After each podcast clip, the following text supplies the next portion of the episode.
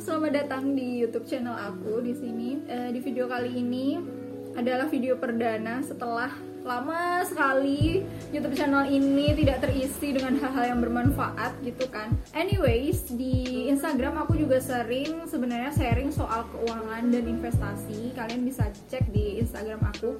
Meskipun sebenarnya nggak nggak rutin banget sih, tapi aku berusaha untuk merutinkan itu sebenarnya uh, ada banyak ada yang soal perencanaan keuangan yang basic ataupun investasi reksadana dan sepertinya nantinya aku akan banyak sharing soal keuangan dari uh, secara syariah gitu karena aku memang lagi fokus di situ dan lagi studi juga di situ. Nah, di video pertama ini aku pengen sharing sesuatu yang sebenarnya simple man ternyata itu jadi problem sih kalau kalau terus-terusan kita tidak bisa menghandle ini gitu. Yaitu ada tentang membedakan uh, kebutuhan dan keinginan. Apalagi kalau orang-orang seumuran aku yang masih single itu biasanya akan kesulitan sih untuk membedakan antara keinginan dan kebutuhan. Apalagi yang udah berpenghasilan sendiri uh, merasa punya uang sendiri dan belum ada tanggungan yang cukup besar. Kalau kalau berkeluarga kan kita pasti akan apa ya dalam membedakan keinginan dan kebutuhan itu lebih ketat daripada yang single. Karena kan kebutuhannya tentu lebih banyak. Kalau single paling mentok-mentok kebutuhan bulanan atau nambahin orang tua investasi gitu-gitu aja kan tidak. Belum ada tanggungan lebih seperti anak dana pendidikan anak terus mungkin ada uh, sesuatu yang besar lagi apa gitu kebutuhan lain gitu.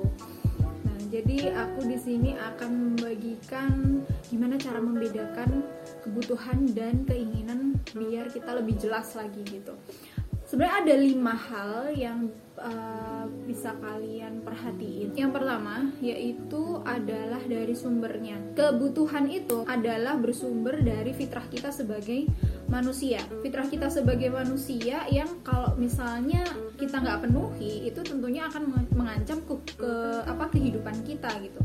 Misalnya kita sebagai manusia tentunya punya fitrah untuk makan, tinggal di tempat tinggal yang layak. Uh, adalah kebutuhan kebutuhan kebutuhan dasar yang memang itu adalah fitrah manusia gitu. Lalu kalau yang keinginan uh, sumbernya itu hawa nafsu. Kalau misalnya kita nggak bisa ngendaliin itu, bisa jadi kita malah mengabaikan kebutuhan gitu. Jadi kebutuhan-kebutuhan mendasar malah kita abaikan dan kita akan menuruti hawa nafsu itu. Misalnya uh, tadi aku sebutin bahwa salah satu kebutuhan adalah uh, punya rumah.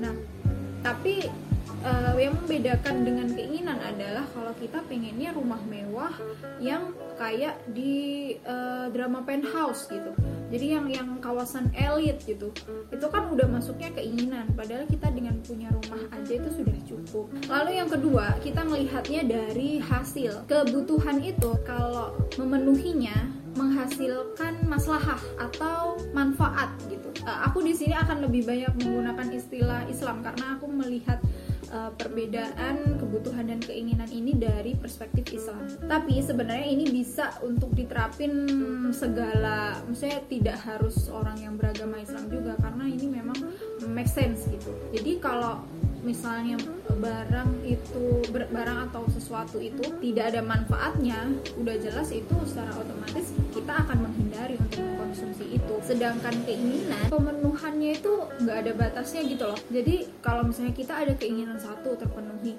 nanti pasti ada lagi uh, muncul terus keinginan yang lainnya gitu jadi nggak nggak bakalan habis gitu misalnya uh, kebutuhan kita untuk punya smartphone itu adalah untuk berkomunikasi dengan orang lain jarak jauh. Tapi kalau misalnya kita gonta-ganti smartphone karena kita korban iklan di drakor ada yang bagus, oh beli ah. Jadi ntar tiap nonton ganti judul uh, drakor kita pengen juga beli ini ini ini tiap bulan gitu. Itu adalah sudah termasuk keinginan Lanjut ke poin yang ketiga yaitu kita melihat dari ukurannya. Kalau kebutuhan itu ukurannya kita melihat dari seberapa besar fungsinya. Sedangkan kalau keinginan itu ukurannya pada selera kita gitu, preferensi kita gitu. Udah nggak ngelihat fungsi lagi. Misalnya kalau kita mau makan uh, pas buka puasa gitu. Uh, secara kebutuhan kan sebenarnya kita hanya cukup butuh makan yang uh, halal dan toyib gitu kan. Tapi ketika masuknya ke keinginan, kita pengen makanannya ya makan yang banyak karena kan kita lapar sudah seharian puasa ya pengennya makan banyak di restoran yang mahal dan ya sesuai selera kita aja gitu itu kan udah kelihatan kan perbedaan dari keinginan dan kebutuhan dan yang keempat kita ngelihat dari sifatnya kalau kebutuhan itu sifatnya objektif karena uh, semua orang itu tuh punya kebutuhan dasar yang sama gitu. Misalnya kamu butuh berpakaian rapi untuk ke kantor aku pun juga kayak gitu. Kamu butuh untuk makan sarapan sebelum pergi ke sekolah aku pun juga begitu. Sedangkan untuk keinginan itu tuh sifatnya lebih subjektif gitu. Karena keinginan setiap orang tuh akan berbeda-beda gitu. Berbeda-bedanya tuh tergantung gaya hidup income per bulannya terus uh, pola pikir juga juga mempengaruhi.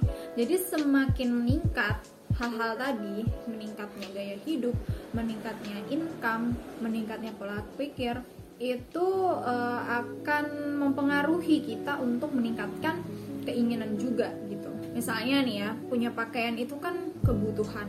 Tapi kalau punya pakaian yang harus desainer mahal yang harganya miliaran nah itu adalah masuknya ke keinginan. Terakhir yang kelima kita melihat dari tuntunan Islam.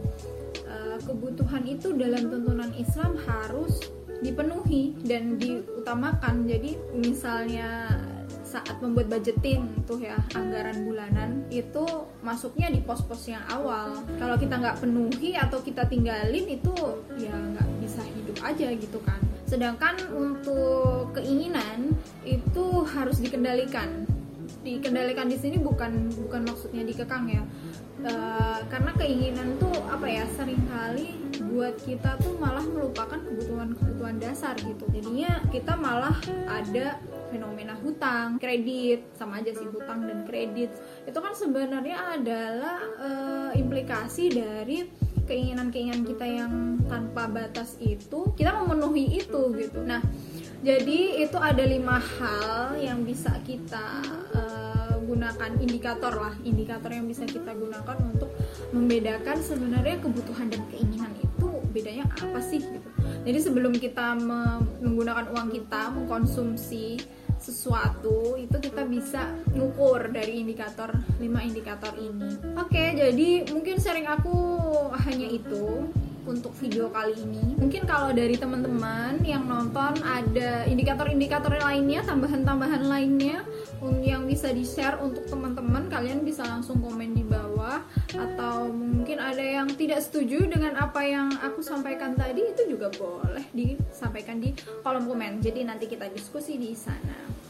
Oke, okay, terima kasih sudah menonton. Semoga video ini bermanfaat. Dan sampai jumpa di video selanjutnya. Bye-bye.